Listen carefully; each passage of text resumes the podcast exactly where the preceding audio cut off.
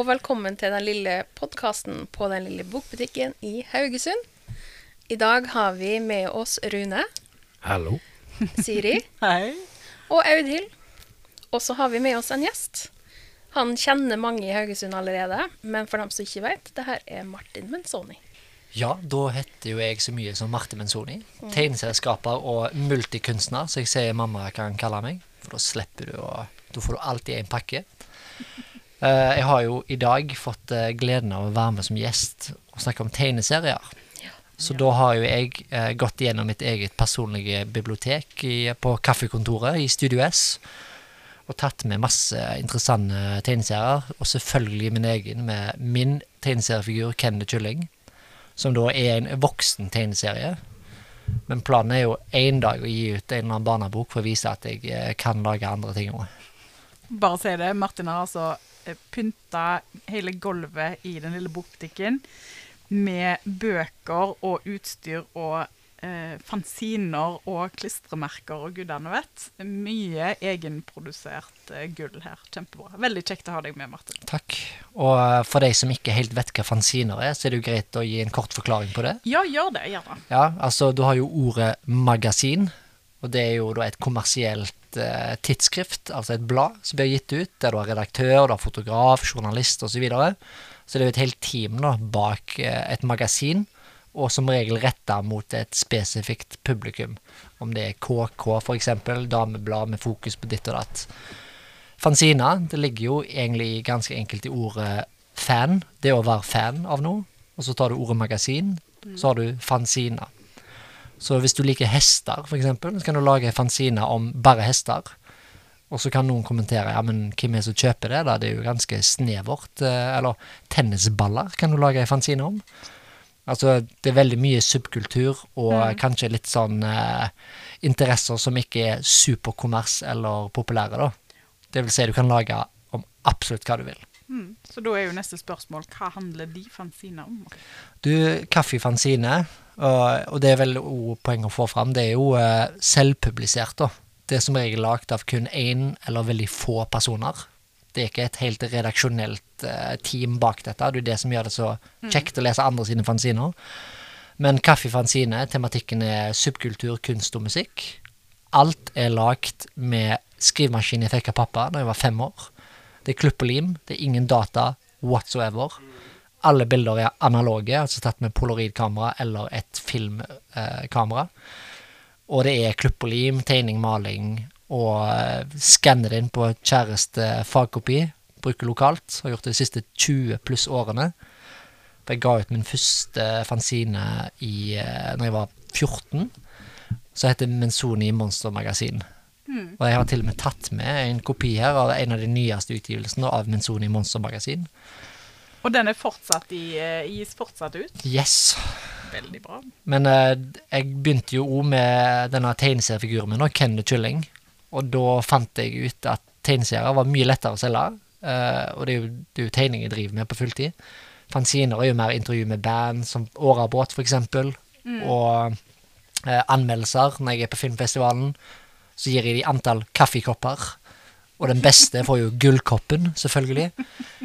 Og så er det kassettanmeldelser, og eh, veldig sånn fokus på fysisk format, da. Eh, i, eh, jeg er ikke noe fan av sånn digitale ting, til tross for at en nå sitter og snakker på en podkast, men det er jo radio, så du hører det på en radio. Men uh, Kenneth Kylling begynte som en tegneserieutgivelse fra Kaffefanzine.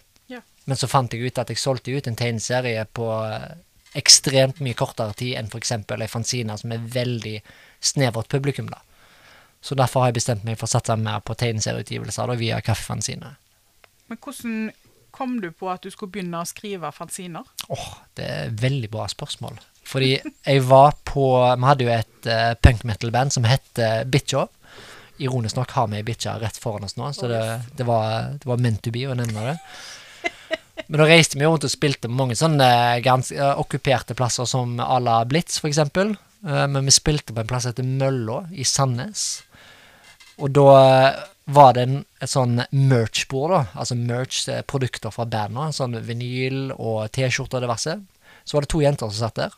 Så hadde de noen eh, eh, blader der som jeg kikket i. Det ene var litt intervju med band som jeg aldri hadde hørt om, og så var det noe om de bandene som spilte der, og så om eh, veganere, sto det liksom. Det var en egen sånn akkurat som kokebok for veganere. Så var det veldig sånn Du så jo at det var lagt med klupp og lim-stil. Og så spurte de hvem som har gitt ut de her bladene, liksom. Nei, det er vi som har lagd de. Så ble jeg litt sånn Da gikk det et lyst opp for meg, da. Herregud. Du kan jo gi ut sjøl. Det har jeg aldri tenkt. For jeg trodde du måtte ha et forlag. Eller som et eh, band så måtte du ha et plateselskap for å få gitt ut musikk. Så da begynte jeg å lage mine egne fanziner, da, altså Menzoni Monster Magasin, der jeg samla tekster fra bandet eh, og, og dikt. Skrev mye dikt da jeg var liten. Og så lagde jeg tegneserier, og så gikk jeg og eh, Nå kommer jeg sikkert eh, til å få Helge Toft etter meg her, men jeg sa til Helge Toft kan jeg få lov til å bruke kopimaskinen oppe til å lage noen sånn flygesedler til konserten vi skal? For det var jo relatert til Slakthuset. Uh, for vi spilte jo ofte der. Så sa han, fikk jeg kortet hans i god tro, eller nøkkelen var det vel, det var ikke så avanserte kopimaskiner da. Så gikk jeg opp, så hadde jeg med meg tegne, ja, så hadde jeg tegneseriene med meg i sekken. Og så kopierte jeg så absolutt mange tegneserier jeg bare greide, før noen av de som jobba på Slakthuset, kom opp. Og så stifta jeg det sammen sjøl, og så solgte jeg det for 20 kroner på gata, liksom. Så det var starten Og da var du 14. Ja. Det var starten av mine fanzine-greier. Jeg tror jo egentlig at Helge vil synes at det er ganske kult. Ja, jeg tror han skjønte greia, for jeg var der veldig lenge, og så kom jeg ned, så var ranselen fra tom til stappfull. Så det er ikke en ransel full av flygesedler. Så ja, det, det, det var da det begynte, den fanzine-greia. Og jeg syntes det var så kult å kunne Så var det Shabby Records som var den første salgsplassen, da. Og da husker jeg var så kry at jeg fikk lov til å selge et produkt inne på Shabby Records. For det var jo det jeg skulle si. Hvor får vi tak i fanzinene dine? Da er det jo eh, selvfølgelig lokalt, så er det jo Krimskrams, eh, som er naboen eh, til Lille Bokbutikken. Mm. Jeg hadde de i butikken før, men fruen jeg får ikke lov å selge de her. Så jeg har noen bak kassen akkurat så. akkurat som porno på har gjemt 80-tallet. Du Har gjemt de. Ja. Ja. Men Jeg holdt eh, på å si, vi har, eh, vi har eh, noen bibliotek òg. Vi har jo hatt Du er jo i Haugesundsamlingen, selvfølgelig, ja, som utgitt forfatter der. bra. Og så har vi jo hatt en del som har vært utlån, men de har en tendens til å forsvinne. Oi, det er jo kjempekult. Ja, ja, ja.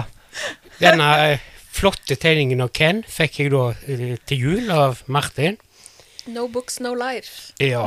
Eh, du ser at det, det er første gang jeg har sett Ken med bøker. Det pleier å være en sånn en stav med noen batterier i, som regel. Men den, denne har jeg da i butikken. Det får bevise at jeg kan hvis jeg vil. Ja, vi Ah, ja. skal, vi skal straks over på det som er dagens tema, egentlig. Som vi har jo tenkt at vi skulle Vi hadde lyst til å snakke mer om tegneserier og, Ja. og eh, manga. Men jeg, aller først så, jeg, så vil jeg gjerne høre mer om Ken. Ja, Hvem er egentlig Ken the Chilling? du, det skal jeg fortelle deg, men først skal jeg bare si at tegneseriene kan du få kjøpt Ja. på Shabby Ja. eh, og på Krimskrams, under disken på Lille Bokbutikken. Og så er Når det Linda ikke ser. Ja. Og så er det Apollon platebar i Bergen. Ja. Og så er det Shitscaper Company-butikken i Stavanger. Til utlån på Stavanger, Bergen og Haugesund folkebibliotek. Og så er det ganske med stor stolthet at jeg er fast innkjøpt hver gang jeg kommer ut med en ny utgivelse på Tronsmo bokhandel i Oslo. Det er kult. Oi, det er big shot. Det, det var første gang i mitt liv. da Jeg, jeg er jo vant med å komme med en tegneserie, og så må du Eller Hva heter det, kommisjon? At du må komme tilbake seks måneder etterpå og hente de eventuelt hvis de ikke blir solgt, eller du får de kronene det er snakk om for å ha solgt de. Men når jeg kom på Tronsmo og spurte kan jeg få lov til å selge mine tegneserier her, så spurte jeg ja, hva selger du de for, og så ja, det koster 60 kroner, liksom. Ja, så skrev de på noen papir, skrev jeg unna, så fikk jeg cash der og da. Ja. Og aldri har jo jeg opplevd at noen altså Jeg følte jeg lurte de. Så ble jeg stressa og tenkte herregud, tenk hvis jeg ikke får solgt noe, da. Men tegneserie-Terje, som jeg kaller han, altså Terje i tegneserieavdelingen der, Ja. han har kjøpt veldig mange av mine sånn deluxe og limited edition av Kenny Kylling, noe som er veldig stor eh, bragd for meg. For han er jo altså en mongul i tegneserieverdenen, for de som ikke vet det, i Norge. Det er han som fiksa at Pushwagner var der. Det er han som fikk fiksa at meg og Kristoffer Schou, når vi ga ut The Dogs-tegneserien, at vi gjorde et intervju og en talk på biblioteket, nei, på Tronsmo bokhandel. Og ikke minst så er jeg ekstremt stolt over at Tronsmo bokhandel har tre malerier de bestilte inn fra meg, da. Som jeg lagde bestillingsverk til deg. Så det henger tre Menzoni-malerier inne på Tronsmo bokhandel med Patti Smith og Iggy Pop. Kjempegøy. Jeg skal til Oslo nå Ja. om en måneds tid. Da skal jeg innom. Da må du se de. Yes, Ta bilde av de hvis du finner de, for nå er det skal jeg gjøre. Jeg skal ærlig innrømme, jeg begynte faktisk å grine. Når jeg kom inn på Tronsborg, for jeg forventa at de hang litt gjemt i et hjørne, kanskje bak disken, liggende flat, fordi du, du har jo Norges store tegneserieskapere og kunstnere som henger der. Men når jeg kom inn, og skulle jeg begynne å lete, så fant jeg det ikke. Da tenkte jeg ja, helvete, hadde jeg ikke hengt det opp engang. Og de syntes det var drit, tenkte jeg. Men så så jeg hvor de hang, uten å avsløre her, for da kan folk lete, og du sjøl inkludert. Og da begynte jeg å grine der og da. Så de som jobba der, "Ka- kan jeg hjelpe deg med noe? Er det noe galt? Nei, det er mine malerier. Er så det, Det betyr mye. De har kjøpt inn alle som jeg har lagd etter den gang, eh, og betaler up front. Og det er første gang jeg ble behandla profesjonelt, da. At jeg følte jeg ble satt pris på, og det betyr jo veldig mye for eh, en uavhengig kunstner som ikke har noen form for støtte whatsoever. Og kaffefanzine.com kan du få kjøpt tegneseriene, for å svare veldig kort på det du spurte. Ja, nei, men det er kjempe, Ja. kjempekult. Og jeg syns det har vært utrolig kjekt å se, eh, siden jeg begynte å kjøpe inn eh, fanzinene på biblioteket, mm. og hvordan du har produsert nye ting og utvikla den tegneserien. Veldig gøy. Takk. Og du spurte jo hvem er Kenneth Kylling? Ja, Kenneth? Eike. før vi begynner å gå oss inn på tegneserier her. Han er jo det, Dette er det rareste av alt, da. Når jeg begynte å lage de her Menzoni Monstermagasin-utgivelsene mine, så var det veldig sånn sporadisk, lagde det når jeg følte for det. Det var ikke noen fast utgivelse. Veldig mye internhumor blant venner, for vi var jo en gjeng med freaks som gikk på eh, både ungdomsskolen og videregående. Men vi syntes jo personlig at vi var det kuleste i hele verden. Ikke alle som var enig i det, men uh, da lagde jeg i så fall de stripene, da. Sånn fire sånn klassiske avisstriper, da. Og da um, satt jeg og snakket med en kamerat, gitaristen i bandet, en som heter Jørgen. Så bare, å, skulle ønske jeg hadde min egen figur, akkurat som eh, han som lagde Donald har sin egen, eller Pondus, eh, Nemi. Men jeg, har, jeg skulle ønske jeg hadde en figur. Når de så den, så tenkte de det er Martin sin figur, sin karakter. En signaturfigur, rett og slett. Så sa han ja, den kyllingen du tegner hele tida, han er jo tegner du ganske ofte. Så ja, det gjør jeg. Og så bare Ja, hva heter han, da? Og dette skal prøve å gjøre så kort som mulig, for det, det er så teit at det er helt latterlig. Det, det er bare vi som syns det er løye ord. Det, det, det er flaut. Jeg blir flau før jeg sier det. Når han spurte hva han heter, så sa jeg ja, hva, hva faen skal han hete, da? Og så sier Jørgen Vi brukte mye lyder. Vi var jo tenåringer. Så han kan hete Kenny En lang eh, lyd. Så hver gang noen spurte hva denne figuren heter, så, så lagde de bare lyden Kenny. Så står folk og kikker Tate meg. Til slutt ble jeg så flau at jeg sa han heter Ken. Og så ga jeg ut en tegneserie med Kenny Kylling på engelsk. Og da var det noen som sa ah, det er derfor han heter Ken. Chicken. Jeg bare, Ah! så da bare spilte jeg på den. Mm -hmm. ja. Det er derfor han heter Ja, ja, Helt- helt, Ken. Mm, mm. Og så er det et veldig klassisk navn. Du har Barbie og Ken. Og jeg lekte jo med Barbie da jeg var liten. Og, og det var Ken fikk ofte gjennomgå. Det var han som ble kjørt over med bilen til Barbie, og sånt, for hun var sur på han og sånt i historiene. Men uh, Kenneth Kylling er en veldig eh, snodig liten gul kylling med oransje nebb og bein. Han er, har likheter med Jake the Dog fra Adventure Time. Han kan liksom transformere seg til akkurat hva han vil. Han tar opp temaer som kanskje mental helse, altså depresjon, selvmordstanker, veldig mye mørke, ganske tunge tema. Samtidig så er det en eh, god dose med galgenhumor. Eh, og ikke minst litt sånn eh, koselige øyeblikker. Og det er ikke bare elendighet. Men det er mye jeg liker mest å grave i mørket, da, det skal jeg innrømme. Så de som kjenner meg, de vil kanskje kjenne igjen noen av historiene, og de som ikke kjenner meg i det hele tatt, vil uten tvil få mye glede og kanskje litt sånn eh, bekymring ut av å lese historiene òg. For det, det som er så gøy med å lage tegneserier, jeg kan velge hva som skal være sant, og hva som ikke er sant.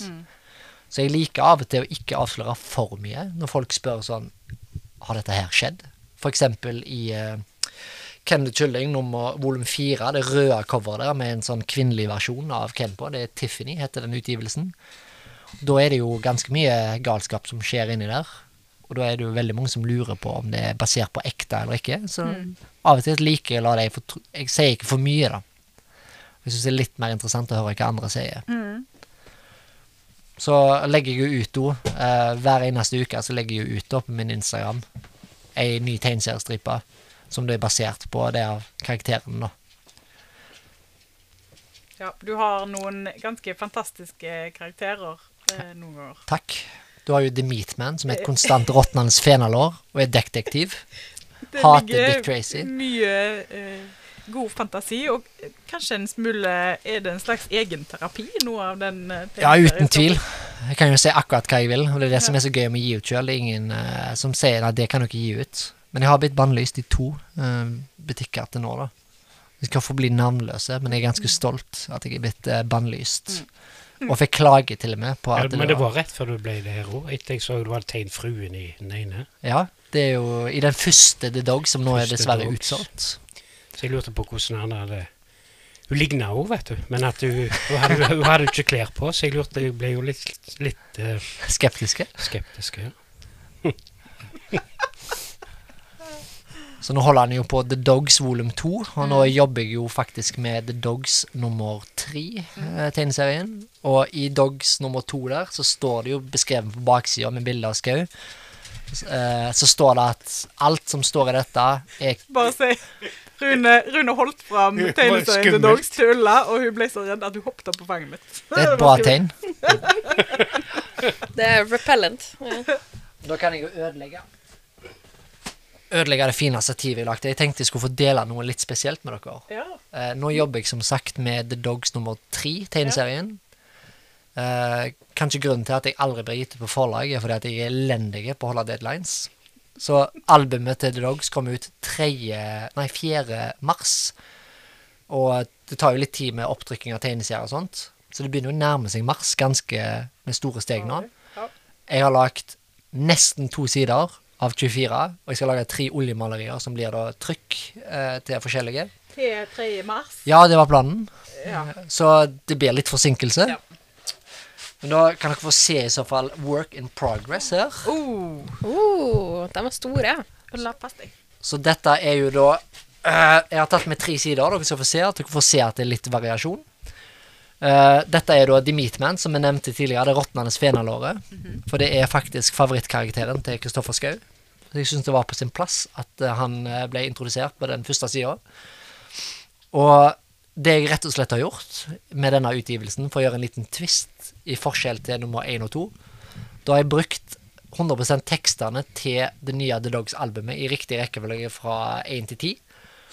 Og da er det da teksten som Skau har skrevet, så har jeg lagt illustrasjoner da, til teksten hans. Og det er jo en drøm, for han er jo en han er jo fantastisk eh, lyriker. Så det er jo kjempelett å lage en tegneserie med hans tekster, for det er veldig uh, billed, billedlige Gjør seg godt uh, i tegneserieform. Ja. Så har du, det blir jo i farger for første gang, og han blir på engelsk for første gang for fans utenom Norge. Så der har du f.eks. Kenny Kylling, og så har du The Meatman plutselig med kyllingbein og menneskefot. Og så har har jeg prøvd masse forskjellige teknikker med blekk, penn, tusj, vannfarge og pensel. Så dette er faktisk ei testside egentlig, men jeg bruker det i tegneserien, for jeg orker ikke gjøre det to ganger. Så det, og for første gang så skal jeg gi ut en The Dogs tegneserie der jeg bruker maling. Oi. Oi, se her. For jeg driver jo og lager mye mer malerier uh, enn tegneserier nå om dagen. Så da tenkte jeg, jeg For jeg, det er jo ADHD-en som kicker inn, da. Jeg blir lei av å gjøre det samme hele tida. Det er derfor vi gjør så mye forskjellig. Så det blir veldig annerledes uttrykk på denne i forhold til nummer én og to, da. Så nerven er jo selvfølgelig på høyspenn nok en gang. Når Martin en dag blir ferdig med denne tegneserien, folkens, så må dere gå ut og få med dere den. Den kommer til jo- kjempebra. Han blir jo selvfølgelig eh, tilgjengelig på eh, biblioteket i Haugesund eh, Oh, for å kikke i. Men målet er å bli ferdig med han, at han kommer ut samme måneden, dvs. Si mars. Ok, ja, men Så det du- får jeg til. Da må vi skynde oss å bli ferdig med denne sendingen, tror jeg. For Ja, ja, ja. Jeg kjenner jeg svetter bare jeg ser på det, liksom. Så nå fikk dere se eh, før alle andre. Preview. Ja, Ja, jeg tok et lite snikk, Ja, det bare, var det bare til å legge det Ja, ut? Så vil jeg gjerne si at det, The Dogs får jeg lov å selge. ja. The Dogs får du lov til å selge. Ja, det er bra. Det er bra. For det, det er jo derfor det jeg sier jo takk til dem, at jeg får lov til å misbruke deres navn. da. Så derfor får de et par gratiskopier da, av meg som en liten sånn takk. Så det blir egen spesialutgave av uh, Tronsmo Bokhandel som forhåndskjøper inn. De får da med et spesialtrykk, kun 20 stykk lagt. Og uh, Kaffe Fanzine har selvfølgelig en egen med trykkutgave. Bonus tegneserie. Uh, og et originalt av fem uh, blekk- og vannmalingsoriginal inni. Det er spesialutgavene. Og så har du selvfølgelig The Dogs har sin egen utgave med eget trykk. Og alle eh, bildene som er på trykkene, er oljemalerier som jeg da òg selger utenom. Så det kommer et eget. Dette er et veldig sånn stort prosjekt. Ja. Fordi Kaffi Fanzine Deluxe Doghouse spesialboksutgaven, nummer én av 20. Nummer én da er da med original oljemaleri og et fysisk hundehus som meg og en annen skal lage for hånd. Så du får et hundehus med The Dogs-karakterene malt på. Selvfølgelig. Så det skal bli det, eh? Ja, og det, det skal jo faktisk kunne være en hund inni henne, da. Det er jo det som er hele ideen her. Så det blir et helsike hvis det er noen utenbys som kjøper den deluxe-utgaven. Det, mm. Da må dere ut på veien. Ja. Kjøre og levere det personlig. Ja, jeg bare går til Dal Rammeservice. vær så snill, hjelp meg å pakke dette inn. Så ja, The Dogs kommer ut i mars, da. I mars. Ja. Ja. Så nå har jeg kniven på strupen ekstra hardt. Ja, nå har du sagt det. Ja. Nå har du i hvert fall sagt det. ja. Mm. Lykke til, Martin. Mm, Gleder meg takk, til takk. se. takk. Så eh, som sagt, dagens tema er jo tegneserier. Eh, for å forberede oss til i dag, da, så har Siri eh, tenkt litt på han Steffen Kverneland, som var er kjent i Haugesund. Ja. Jeg har eh, Martin som står og holder opp bøkene Ja. mine, og en hund på fanget, og så Ja. holder jeg mikrofonen i den andre hånda. Så Det ser er ut som det, Sånn som du holder mikrofonen, ser det ut som du har funnet deg en som skal Kjælemen. dra med deg hjem, Ja. liksom. Jeg har eh, en eh, spesiell når det gjelder tegneserier, da. Eh, og vi snakket om Ja, i dag tar vi en, en spesialepisode. Vi snakker om tegneserier mange ganger. Da var det jo eh, Går jeg jo til Steffen Kverneland nesten med en gang. Og han eh, For meg eh, Vi snakket så vidt om det tidligere, Martin, men eh, mitt og ditt forhold til Steffen Kverneland sin Munch, Munch-bok og karakteren. Vi har litt sånn der motsetnings der. Fordi jeg har kanskje alltid eh, vært glad i Edvard Munch, men jeg har ikke eh, hatt den der evige kjærligheten til tegneserier, da. Mm. Men, men Steffen Kverneland sin versjon av Munch og den boka, den gjorde jo at jeg for alvor fikk øynene opp for han og eh, den fantastiske eh, kunstneren, historiefortelleren, som han er. Eh, og Munch eh, var jo først utgitt som striper i andre bøker og i eh, Som Steffen Kvernen har skrevet, eh, både sammen med Lars Fiske. ja, sin sin makker og kompanjong. Eh, og så er det da satt sammen til denne boka, som på en måte er en fullstendig utgave av den. da. Og handler om Edvard Munch og hans liv og lære. Eh, eh, tidvis eh, ikke helt historisk korrekt. men, men veldig, veldig fin. eh, og Steffen Kverneland har jo i utgangspunktet en eh, ganske forskjellige altså, uttrykk eh, når han tegner og når han skriver. Um, og eh, Munch var jo den der på en måte jeg begynte da og ble kjent med han gjennom den.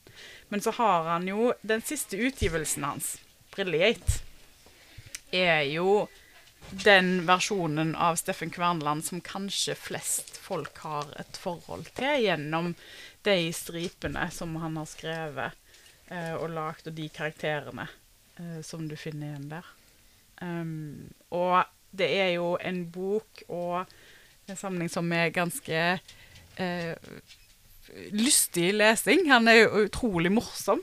Kjempefine, eh, tilbakeskuende, og måten han på en måte bruker eh, nåtid og fortid og knytte sammen sin egen barndom og egentlig Haugesund og byhistorie. Det er derfor det blir ekstra kjekt for oss i Haugesund å lese det òg, da. Kjempe, ja, og Ja. for, for meg som på en måte har jobba med lokalhistorier, som er, så er jo dette her Det er jo midt i blinken. Det er jo gull. Sånn. Er det derfor han har gullskrift på Brilliate-omslaget, kanskje? Og så er det jo maling av biblioteket inni. òg. Ja. Og han eh, er jo vokst opp rett oppi gata fra der jeg har vokst opp, i Ryfylkegata i Haugesund. Så eh, jeg gikk jo forbi det huset og har på en måte de gatene og kjenner det veldig godt. Så da er det liksom Da er det ekstra nært. ekstra nær. Men det som kanskje er min favorittbok, da, av Steffen Kvarneland, det er jo eh, 'En frivillig død'. Mm. Der han skriver om faren sitt selvmord. Og den kom ut i 2019. Selvfølgelig står ikke det lett tilgjengelig. ja, det står rett der. 2018. 2018. Mhm. Mm. Det var den beste boka jeg leste uh, hele det året. Han var helt fantastisk. Han satt så dypt fast i meg. De tegningene inni der, de er helt uh, Ja. Jeg, og jeg leste han igjen og igjen. Han er kjempefin. Og det er jo en mye mørkere eh, penn og historie enn de som vi på en måte møter i Brilliate, f.eks. Sikkert derfor jeg liker en frivillig død mest. Ja, og den For meg så er den bare eh, utrolig vakker. Den eh, eh, Hele boka som en helhet er, ja, nydelig. Men det er det som er bra Utrolig trist historie. Det er det som er bra med Steffen Kverneland, spesielt i sammenheng med Norge, da, for han setter liksom tegneserieformen som en kunstform. Det blir ikke sett på som eh, noe som unger driver med å lese bare Donald og eh, sånn, at det er barnslig med tegneserier. da. Han på en måte har gitt en sånn gjenopplivning til å få folk til å innse at tegneserier er en kunstform. Det er ikke bare Ole Dole Doffen, liksom. Med lik linje som Kristoffer Nilsen setter tegneserier på kartet. Innenfor i kunst, da. Jeg, mm. ja. Så den, eh, den kommer jeg tilbake til hele tida. Og for meg så er det Steffen Kverneland, og så er det, eh, som har vært borti tidligere, tegningene og på en måte tegneserien eh, ish da, til Sean Penn, som er Ja. ja. Den jeg- tar opp igjen, ja. Ja, gjør. Jeg har mine favoritter utrolig. som kommer igjen og igjen. Ja. Sånn er det. Og en liten kul ting til de som har lyst til å kjøpe den uh, Steffen Kverneland, bøkene eller hva som helst som er gitt ut av Norcom Press, som da er Mm. altså Norges råeste forlag med tanke på den stallen de sitter med kunstnere der. Det er jo det som er drømmen, da. En dag har min egen Kenneth Kylling-bok gitt ut på Norcom Prendo. Det er som subpop eh, for Nirvana i musikkverden. Men det kule er, hvis du bestiller fra Dette er ikke sponsa innlegg, bare så det er sagt. Men jeg er så sykt fan av forlaget, da. Og de bøkene som de gir ut, alltid fra Kebbe Life eh, til Kristoffer Nilsen, Lars Fiske, Benny Kaltenborn, eh, som er hysterisk morsom, og Steffen Kverneland. Men det kule er hvis du bestiller hos deg, det er gratis frakt, noe som ingen nettbutikk eller noen greier gjør, og du får personlig signert hvis du spør om det. Så jeg må jo nesten vise her nå.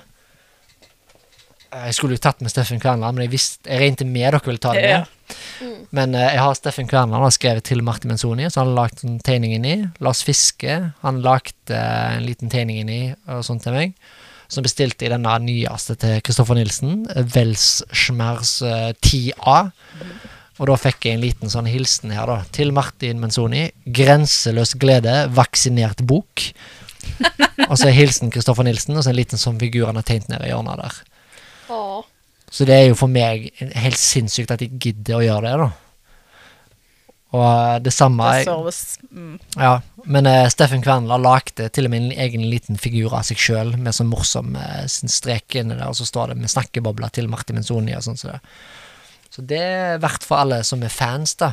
Hint, hint. Mm. Til Kvernland, hvis de kjøper ei bok av han. Så hvis du kjøper det via forlaget, så får du tegning med. Veldig kult. Og når de er døde, så blir de veldig verdifulle. ja. Vi har jo Ja. eh, Steffen var jo på besøk på biblioteket nå i fjor sommer til eh, Det var i høst. i, Var i Ja. fjor Ja, høst. Ja. På Ikan eh, Ikan, ja. tegneserie- og animasjonsfestival. Ja. Mm. Mm. Og da fikk vi på den lille autograf, eller store autograftavla vår, Ja. fikk vi en, en tegning på Ah. den. Mm, Ja, som så vi har han henger lite att med Steffen kopimaskin. Ja, kult. kult. Så ja, det var kjekt å ha han på besøk. Mm. Jeg fikk signert bok, ja. Jeg, jeg husker ikke om jeg fikk tegning. Du må bare pushe. Du Må ikke Ja. være sjenert. Ja, men det var kø. Ja, det er igjen ikke være sjenert. Bare si ja, jeg står her, jeg, til du har gjort det. Ja. Det er én ting som er verdt å nevne dere sa bibliotek, og at han signerte på tavla deres. En av de kuleste tingene jeg har gjort med Kaffefanzine utgivelse, det var når jeg hadde fast før eh, ei tegnegruppe for barn og ungdom i studioet mitt. Og da var det en liten gjeng på type alt fra fem til sju stykk faste da, som kom til meg en gang i uka. Så hadde vi tegnekurs. Det som var annerledes med mitt tegnegruppe Jeg kaller det for gruppa fordi det er ikke kurs. Jeg vil at de skal få tegninglede, da. Det er det viktigste å sette fokus på. Men ungene fikk velge sjøl hva pensum skulle være. Men jeg bare hjalp å styre skuta, liksom, og sette det i system, da. Men de kom med tips hva de ville gjøre, og så lagde jeg det sammen, så de lagde pensum. Og så i slutten av måneden så hadde samla med det vi hadde jobba med, og lagde ei fanzineutgivelse i form av tegneserier, maling, eh, hva som helst. Og så kalte vi denne fanzinen for Tegnegruppa for barn og ungdom. Men vi hadde release for en av utgivelsene våre der de fikk velge ut en egen tegning som ble trykk. Og så fikk de eh, bord inne hos dere, biblioteket, der de fikk sitte da som liksom eh, offisielle kunstnere. Og folk sto i kø, familie og venner selvfølgelig kom. Og så kjøpte de en tegneserie, og så satt det en der på kun sju år da, som var med i gruppa, og fikk signere sine egne trykk. Som, Det er kult. og, han, og pengene gikk til at vi kjøpte snop og Men da jeg ville vise det jo at uh, det å tegne og det å skape og lage noe, er ikke bare hobby. Det er faktisk Men uten å være for uh, frampå med å få det fram dette kan bli penger, og dette kan være jobb, så ville jeg bare vise dem at det er helt mulig å lage en tegning. Trykke det opp i et lite hefte og stifte det sammen. Pakke det inn så det ser litt fint ut i ei plastlomme med noe trykk inni og diverse. Selge det, og du tjener faktisk penger på det. Jeg ville vise dem at dette er faktisk en, kan være en jobb hvis det er noe du brenner for. Skal kan jeg eh, fortelle om eh, vårt eh, kanskje-prosjekt? Framtidige prosjekt? Altså, det er kanskje prosjekt Jeg tror det skjer uansett. Jeg tror ingen, ingen kan stoppe det. For eh, når du forteller om dette, Martin, Ja. så må jeg si det at vi har jo eh, planer om, eh, forhåpentligvis med støtte av Nasjonalbiblioteket, eh, å gjennomføre noe som ligner eh, ganske mye på det du Ah, sa nå. Jeg er en pioner, jeg, da. Det Du er jo på et vis det. Eh, vi har eh, søkt om penger til eh, å lage Det blir jo en slags eh, fanzine, men egentlig ikke. fordi det som vi har lyst til å gjøre, det er jo å få med barn og unge, eh, skoleelever, andre i Haugesund, til å komme og skrive eller tegne en historie som de finner i rederiarkivene på biblioteket. Okay. Altså sjøfartshistorien til Ja, Haugesund. ja, ja. Hvor mange forskjellige måter kan vi klare å formidle? Altså, Lage en tegneserie, kan vi skrive en sang, kan du skrive en tekst, kan du skrive et dikt? Jeg tror det er ganske mye de kan, eh, en barnehjerne kan få ut av alt det greiene der. Og så har vi lyst til å invitere med, om det blir Jeg vet ikke akkurat antall, men en del profesjonelle forfattere, kunstnere, eh, til å komme og levere bidrag til eh, dette prosjektet, og samtidig ha eh, skrivekurs, tegnekurs for barn og unge på biblioteket i vinterferien, i høstferien, i sommerferien og sånn. Ah, Og så, når vi får inn disse forskjellige bidragene, så kommer vi til å gi de ut som en bokutgivelse. Sånn at de som leverer inn bidrag, da blir utgitte forfattere. wow. Og denne boka kan eh, kjøpes. Det Ja, du har Vær så god. Ja. Og det er jo eh, kjempekult det du sier, fordi vi har jo vært veldig inspirert av det som kalles Brooklyn Art Library og The Sketchbook Project. Ja, for vi var jo med på det forrige gang her. Mm. Med den eh, har- festivalen Skudenes. Ja. eh, Vi har tenkt å gjøre noe lignende snart. ja. Tomme kladdebøker. Mm. og liksom bare go crazy. Lag det formatet det du vil, men utgangspunktet skal være en historie da fra rederiarkivene. Fordi at det er litt sånn Hvor eh, fett er det mulig å formidle et privatarkiv, som er noe av kanskje det tørreste, Ja, det kjedeligste jeg de aller fleste litt, vet om? ja. Eh, så jeg er veldig spent på om vi får det til, og hva det blir til. Men eh, ja, nå er i hvert fall den katten ut av sekken. Ja, ja. Mm, så håper jeg at det blir eh, Nå kan at vi får det ingen til. oss Hvis du får flere, flere barn sånn som meg med ADHD, så har du masse materiale. ja, veldig Ja, bra. ja, ja. Jeg ringer til deg, Martin, Ja, om jeg klarer det. Ja. ja. Det er mer enn nok å plukke der, for å si det sånn. Kall på dine venner. Mhm. Ja. det blir Så bra. det kan bli en spennende høst. Mm. For både barn og unge og tegneserieskapere her i Haugesund. Forhåpentligvis. Det, jeg kan ikke se for meg hvorfor det ikke skulle skje. Nei. Ja, Rune er vel letta nå, at han fikk uh, Ja. så mye. Jeg eh, tenkte på en ting. Eh, I dag så tror jeg vi har eh, nok til to episoder. Ja, men det var godt du foreslo det du, Siri, siden jeg hadde tenkt å foreslå det sjøl. For jeg, vi har jo ikke snakket om dine manga... Nei, jeg har ikke begynt engang. Skal vi ta en egen, skal vi ta en egen eh, mangaepisode senere, kanskje? Og med manga, når den skal skje, da må jeg bare tilføre her at uh, Assassination Classroom Det var min introduksjon til at jeg ble forelska i manga. De har han på Lille Bokbutikken. Jeg anbefalte han til Kristoffer Schou når The Dogs kom på besøk her første gang. Og Kristoffer Schou kjøpte Assassination Classroom nummer én. Leste han. Og for første gang i voksenlivet sitt, på vi snakker flere tiår, så fikk han mareritt av å lese den. Så han sendte meg melding. Den tegneserien du anbefalte meg, jeg skal aldri høre på hva du anbefaler igjen, for jeg fikk mareritt, og jeg har ikke hatt mareritt på flere tiår. Ja. Da, da hopper jeg over den. Men jeg eh, må jo innrømme at jeg har aldri lest manga. Da burde du gi uh, Assassination Classroom en sjanse. Uh, nei, det skal jeg ikke gjøre. ikke. Men, eh, men det som jeg tenker, det er jo at jeg gir meg sjøl i hjemmeleksa å eh, lese en mangaserie. Den for eksempel, ja, den har vi snakket om tidligere. Den har jeg jo hatt veldig lyst til å lese. Hva var det du hadde lyst til å lese, sa du? Spy Family. Ja. Ja, Ja. Spy X Family. Skal jeg, skal jeg eh, utdype, eller? Ja, ta en liten uh... Ok, vi befinner oss i den kalde krigen. Uh, og i det egentlig, egentlig så er det Øst- og Vest-Tyskland, men de har gitt et annet navn. For, eh, sikkert fordi at ting er ikke faktakorrekt og sånn. Så, så for å gi seg sjøl litt frihet, så har de gitt det veldig åpenbare parallellnavn. Men vi sier Øst- og Vest-Tyskland. Og da følger vi Lloyd, som er en mesterspion av høy klasse, som er sendt til Øst-Tyskland for å komme nær en politiker.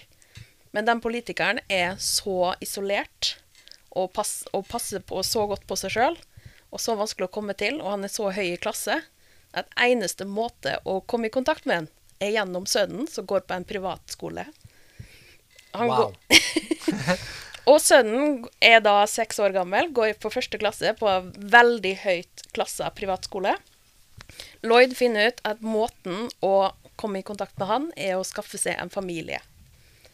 Så han skaper en familie med å adoptere en telepatisk jente, som han ikke vet er telepatisk, men hun kan da høre alle tankene hans. Vet at han er spion. Vet, at hele oppdraget hviler på hennes skuldre, og tror sjøl at hun kommer til å redde verden. Må gjøre som pappa sier. og skaffe seg kone som han tror er bare en kjedelig kontordame som eh, var villig til å være med på påfunnet hans, eh, men som faktisk er en assassin mhm. som eh, dreper politiske mål i Øst-Tyskland. Altså, han bomma kraftig da på det uh, Ja, og ingen vet hvem de andre er. Altså, hun vet ikke at han er spion, han vet ikke at hun er assassin. Mens hun dattera på seks år vet alt. Men ingen vet om henne. Men ingen vet at hun har de evnene, fordi hun er så redd for at de skal kaste henne tilbake Ja. til barnehjemmet hvis de finner ut at hun er spesiell. Så det har hun holdt hemmelig. Og det er en, det er en komedie, og den er helt fantastisk morsom. Og det har bare kommet seks bøker enda. Jeg prakka den på Gnodny, så hadde aldri lest manga før. Hekta med en gang. Alle jeg prakka den på, har vært så hekta. Ha. Og den er, altså, den er barnevennlig, og den passer for barn, men den er morsomst for voksne. Men jeg tar den utfordringen, og Mhm. så eh, skal jeg lese den. Jeg har ingen hender nå. Oh, ja. Men eh, jeg eh, leser den, og så tar vi neste episode om manga. Og så skal Ja. jeg gi min ærlige tilbakemelding. Ja. Jeg tror vi stopper der for i dag, og så fortsetter vi neste gang. Martin, du har noe du vil dele? Jeg har, når jeg lagde The Dogs volum 1-tegneserien sammen med Kristoffer Schou fra da bandet med samme tittel The Dogs, så fant jeg ut at hvis jeg tegner 15 timer hver dag, tre uker i strekk, For ja, jeg var for sein til deadlinen atter en gang, og nå var det et eh, plateselskap som venta på dette. For tegneserien av The Dogs volum 1 kom inn i platene, så den måtte leveres inn. Jeg er jo min egen sjef, og han kan være litt slakke av og til. Uh, så jeg fikk senebetennelse i, faktisk til slutt i begge armene. Måtte gå på behandling i seks måneder for å få det til å funke igjen. Oh, ja. Så begynn tidlig. Det er i så fall et godt råd fra en tegneserieskaper til en annen. Men høyrehånda gjorde så vondt når det begynte å verke. Etter det, ja, det var to uker. Da begynte det å verke så kraftig at jeg grein. Når jeg satt bare helt stille og så på film, eller jeg kunne ikke holde ei bok når jeg leste. Det gjorde så vondt. Så da måtte jeg tegne med venstre når det ble for gale. Så høyre tegninger med detaljer, og venstre for fylling eller prikking eller fargelegging og skygging. Så da tenkte jeg at eh, det er jo ingenting som er mer perfekt da, enn siden vi lager en tegneserie til The Dogs, så var det jo veldig på sin plass å lage en tegning av Edvard The Dog fra den lille bokbutikken. Yes. Og den er da selvfølgelig tegnet med venstrehånda. Han er allikevel lett gjenkjennelig, det må vi si. Ja. Og som sagt, rett foran her så har jo Edvard en liten sånn Det der kjeksen han pleide å få. Med sånn du måtte bite av toppen av kjeksen. For de som virkelig kjenner Edvard her, dette er for hardcore Edvard-fans. Så den kjeksen ligger jo selvfølgelig rett foran han der. Og det er jo det som viser at dette er et urealistisk eh, sånn fantasitegning. Fordi den Han hadde aldri ligget der. Nei, den kjeksen hadde vært gone for lenge siden. Så jeg lo faktisk høyt når jeg satt og tegnte den her, for jeg prøvde ikke å få alle strekene til å være sånn skjelvete og skeive. Og beina er jo helt snurpa der. Og det er fordi at jeg har blodfokusert da med tegna med venstre. Så nå snakker vi jo om Edvard i form av tegning, og i tillegg så skal Edvard ut nå og gjøre noe av det kuleste. Han skal tagge på veggene. Men denne tegningen i så fall av Edvard, dette trykket, det er lagt opplag på kun 20 stykk A4, trykt på 270 grams syrefritt papir. Så det er et eh, 100 eh, legit kunsttrykk. Og jeg syns det var så gøy å være gjest på denne podkasten at jeg tenkte da burde jo jeg eh, bidra med at denne her blir større. Så det jeg har lyst til å gjøre da, det er at når denne episoden kommer ut, fra datoen den ligger ute og er ei uke fram, så kan eh, folk dele denne episoden. Da må de huske å tagge dere, da. At de får det med oss, at de har tagga og delt episoden. Og så trekker vi en tilfeldig vinner, så da vinner ett stykk Edvard, den lille bokbutikken Trykk. Og i tillegg med håndkolorerte detaljer. Og da blir det to sjanser, da, siden det er to deler av episoden. Så det- trekninga blir ett del to. Veldig kult, Martin. Tusen takk. Det er vi jo veldig glad for. Så altså eh, Lik og del. så jeg håper å Tagg, tagg og del. Ja, og det er veldig viktig at du må tagge, da. Ja. Mm. Så er du med i trekningen av en uh, Menzoni original, Mhm. rett og slett. Og hvis noen ikke Og det er jo mange som kommer til å bli ekstremt frustrerte hvis de ikke vinner. Ja. Men fortvil ei. Det trykket er jo til salgs på nettbutikken kaffefanzine.com. Kjempebra. Tusen takk, Martin. Eh, så snakkes vi neste gang. Yes.